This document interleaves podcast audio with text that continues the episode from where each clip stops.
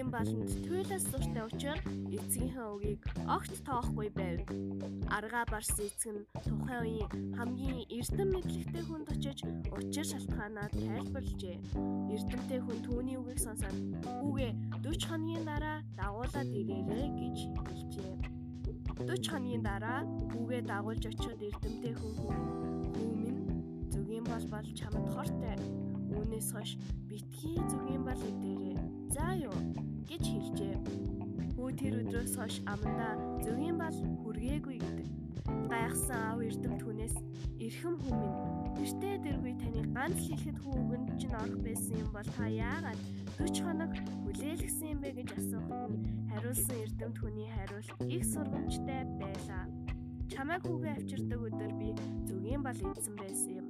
Судсаа минь зүгийн балтай цусгүйж байхад би хүүдтэй яаж зүгийн бал битгий гэж хэлээд ямар ч нөлөө үзүүлэхгүй байсан юм.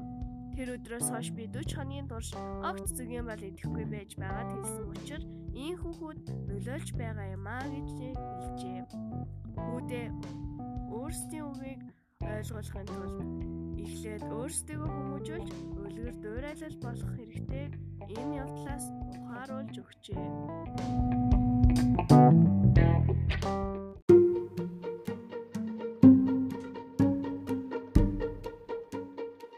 Нохой туулай хоёр Нэг залуу нохойтойгоо амьдардаг болохоор гаднаа цэцэрлэгтээ хувийн орон сууц хөсөлж суух болжээ.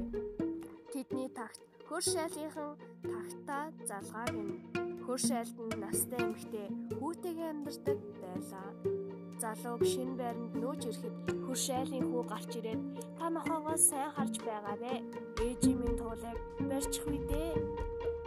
Ээж минь өндөр настай туулайнда их хайртай. Хэрв туулайн нь ямар нэгэн болбол ээж маань тэсэхгүй. Туулайны өөр нь тагтан дээр байгаа тул болгоомжтой байгаарай гэж загчээ. Залууч болгоомжтой байна гэж амлав. Цаг хугацаа өнгөрсөн ч туулай нохой хоёртой холбоотой ямар ч төв учирсангүй. Цагаахан туулай хаяа үүрэндээ хаяа тагтан дээр явж байгаа харагдана. Нэг орой нохой нь амандаа нэг юм зуучсан эзэн дээрээ ирэв. Сайн харвал нохой нь цагаан туулай зуусан байлаа. Туулай өвчгсөн, шороо болчихсон байв. Залуу сандрахта нөгөө туулайг сайн гिचн угаан өсийг нь сэнсдэж хатаагаад хөршийнхөө тагтан дээр тавьчихжээ. Тэгээд нохойтойгоо ээжийнхээ рүүгээ яваад өгөв.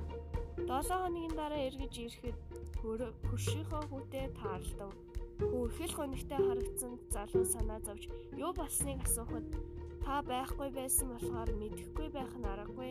Ээж маань өөд болсон гэхэд залуу гацаж төвдрээд арай хийн их харамсалтай юм болжээ. Ээж чинь яагаад өнгөрчих вэ гэж асуухад хүү туулайгаа хооллохоо мартснаас болоод хөөхий туулай өлсөд өгчихсөн. Тэгээд ээж бит хоёр цэцэрлэгийнхаа шороонд булсан юм. Маргааш өглөөн нь ээж туулайг өөрөндөө ирсэн байхыг харж цочсондоо зүрх нь хаагдаад өнгөрчлөө гэжээ.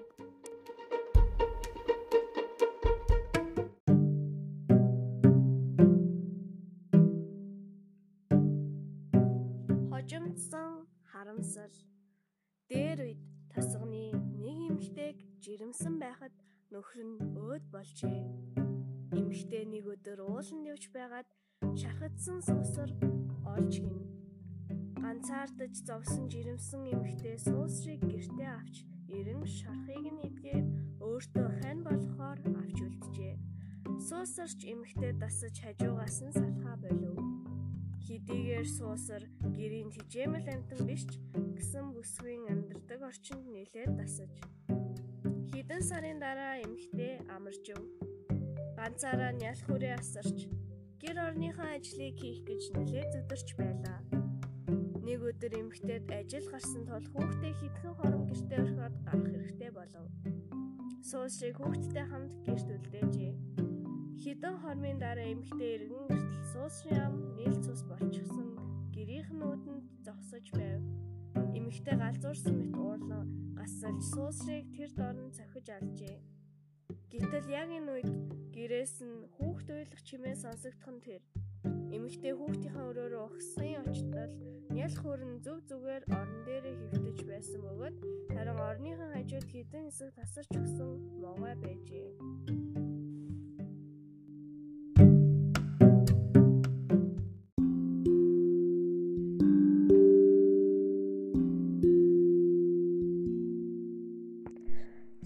Санааны үзүүрт шар тос. Нэг баян хүний хашаанд зэрэгцэн ургах хоёр нимбэгний мод байжээ Хоёр мод 5 дугаар сарын сүүлээр цэцэглэн анхлам сайхан үнрээ тэр хаваар тарааж хүмүүст хавар ирж буйг мэдэгдэнэ. Нэг мод нь нөгөөгөөсөө давжаа галбар муутай ургаж байлаа. Тиймээс нөгөө мод нь түүнийг үргэлж дорд үзэн бардамнана. Гэрийн эзэн ч жижиг модыг цаашид ургахгүй, удахгүй хатна гэж бодоод баг усалж арчилж тортгоо болов. Нэг өдөр Цас дуулын оройд орогдог цэцгийн өрөөд салхиар дамжин тэр хашаанд унжээ. Хашааг бүхэлдэн цардаж зөвхөн нэмбэгний моддын орчмын хөрсийг үлдээжээ. Цэцэгний өрөөд нэмбэгний моддоос доор нь урах зөвшөөрөл гуйхад том мод биеэн тон ийн хэлсэн нь. Ийм зүйл хизээч байж болохгүй. Хэрв та нар миний ойролцоо оргуул би хатах болно гэв. Гэвч үнэндээ том мод өөр зүйлээс болгоомжилж байжээ. Цэцгээс алаглан урахад нэмэгний модны цагаан шаргал цэцэг үзэмжгүй харагдаж эзнийхээ анхаарлыг татгаа болно гэдгээс айсан байлаа.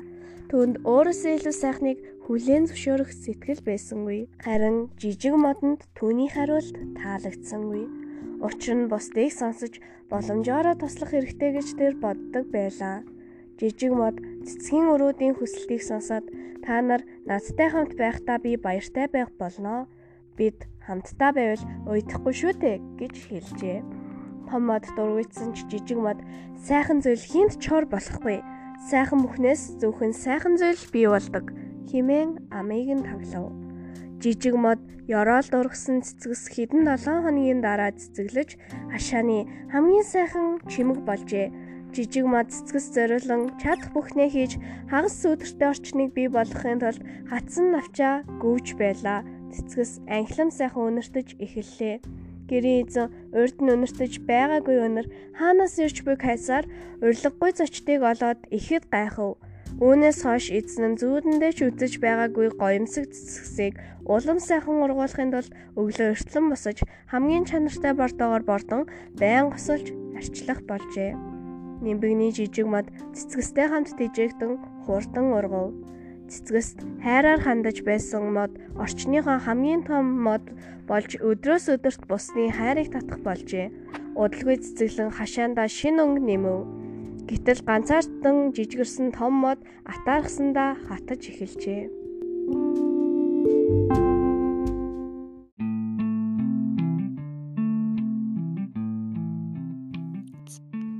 Вьетнамын дайны дараа Хайрх болсон нэгэн цэрэг Сан Францискогийн хотоос гэрлүүгээ залгажээ. Аава, ээжээ би очих гэж байна. Нэг юм асууж болох уу? Би нэг найзтайгаа хамт очих гэсэн юм.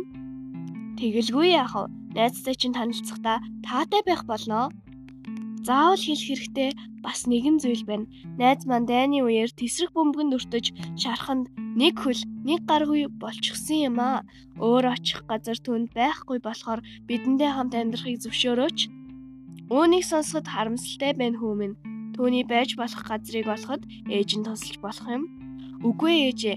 Аав түүнийг бидэнтэй хамт байгаасаа гэж хүсэж байна. Хүү минь биднээс юу хүсэж байгаагаа чи мэдэхгүй байна. Түүн шиг өрөөл дутуу хүн бидэнд нэрмээс болно Бид өөрсдийн гэсэн амьдралтай. Иймэрхүү зүйл бидний амьдралд төөг учруулахыг зөвшөөрөхгүй. Чи над найзаа Март Мартад гэртээ хүрээд ир. Яг энэ үед хүү уцаа таслалаа. Хүүгийн гэр бүл хэсэг хугацаанд хүүгээсээ сураг сонссонгүй. Холбоо тасрав. Хэсэг хугацааны дараа Сан Францискогийн цагдаа газраас гэрлүүн залгаж хүүг нь өндөр байшин дээрээс нисэж нас барсныг дуулгав. Цагдаа үүнийг азгүй тохиолдол биш амиа хорлолт гэлээ. Гүн эмгэнэлт авсан эцэг их нь хоёр эцэг их хоёр нь тэр дороо Сан Франциско хот руу нисэн очиж хүүгийнхээ цогцыг танихаар хотын шарил хадгалах газар руу очив. аав ээж хоёр нь хүүгээ тэр доор нь л танилаа. Харин хизээш төсөөлөөгүй байсан тэр зүйлтэй нүүр тулж амаа барин харамсав. Хүүн нэг гар нэг хөлтэй болсон байжээ.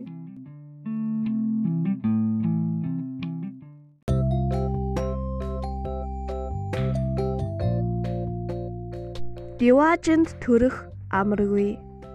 Хөдөөний нэгэн ядуухан хорвоог орхижээ. Нүдэ нэгэд хартал Диваажингийн үдэнд зогсож байлаа.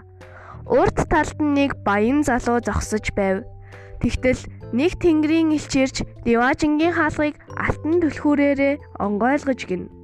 Эхлээд нөгөө баян залуу орлоо. Түүнийг ороход Деважингийнхэн баяр хөөр болж хөгжим онгойход дотор чимээгүй болсон байлаа.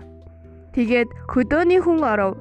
Нэг тэнгэрийн элч угтаж аваад тавтай морил хөдөөний анд минь гэж хэлэхэд хөдөөний хүн нөгөө хөгжим дуу чимээ хайцсан бэ?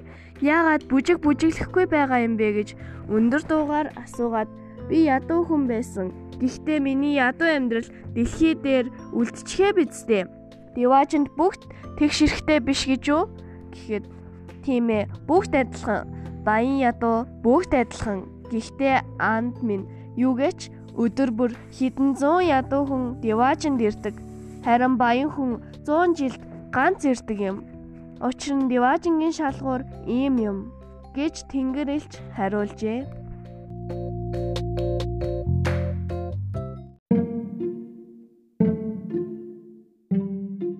Хараацай. Хараацай шүү. Нэг залууд дурлцгаж гин.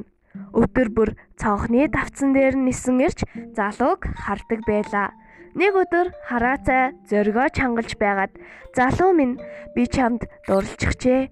Өдөр бүр чамайг харахаар цонхон дээр ч нэрд суудаг гэдгээ хэлэхэд залуу уурлан чи бол шүү би бол хүн хүн шүү хоёр яаж би бидэд дурлах юм бэ гэд хөрхий хараацайг хөөчгөж гин Хараацаа эргэж ирээд би чамд юр саад болохгүй дээ. Хоёулаа зүгээр сайн найзууд болцгоё л доо. Гэхэд залуу огтхонч халгаасангүй бас л хөөлөө. Хараацаа дахиад л ирж залуу минь би гадаа хүйтэрч байна шүү дээ. Хоёулаа найзууд болцгоё л доо. Намайг гэртээ оруулахгүй бол би хөлдгөн байна. Эсвэл би халуун орон руу нүүдлэхээс өөр аргагүй төрхөн намайг дотгош оруулаач дээ хэмээн гуйх болжээ. Гэвч залуу урлам зөрүүлэн уурлан түүнийг дотгош оруулах нь бүхэл дахин хөөж явуулаад бүх цонхоо хаачихв. Хэсэг хугацаа өнгөрсний дараа залуу ихэд гимшив. Зүүн болж цэцэг навч дэлгэрхэд залуу бусад хараацаанаас түүнийг асууж сургалсан боловч хинч түүнийг хараагүй байлаа. Эцэст нь залуу мэрэгэн ухаантан дээр очин учир явдлаа хэлжээ. Мэрэгэн ухаантан хараацаа шүү 6 сарын настай байдаг. Амьдралд зарим боломж ердөө ганц л удаа гарч ирдэг. Ашиглахгүй бол нисээд явчихдаг. Түүн лугаа адил зарим хүмүүс амьдралд ганц л удаа учирдаг.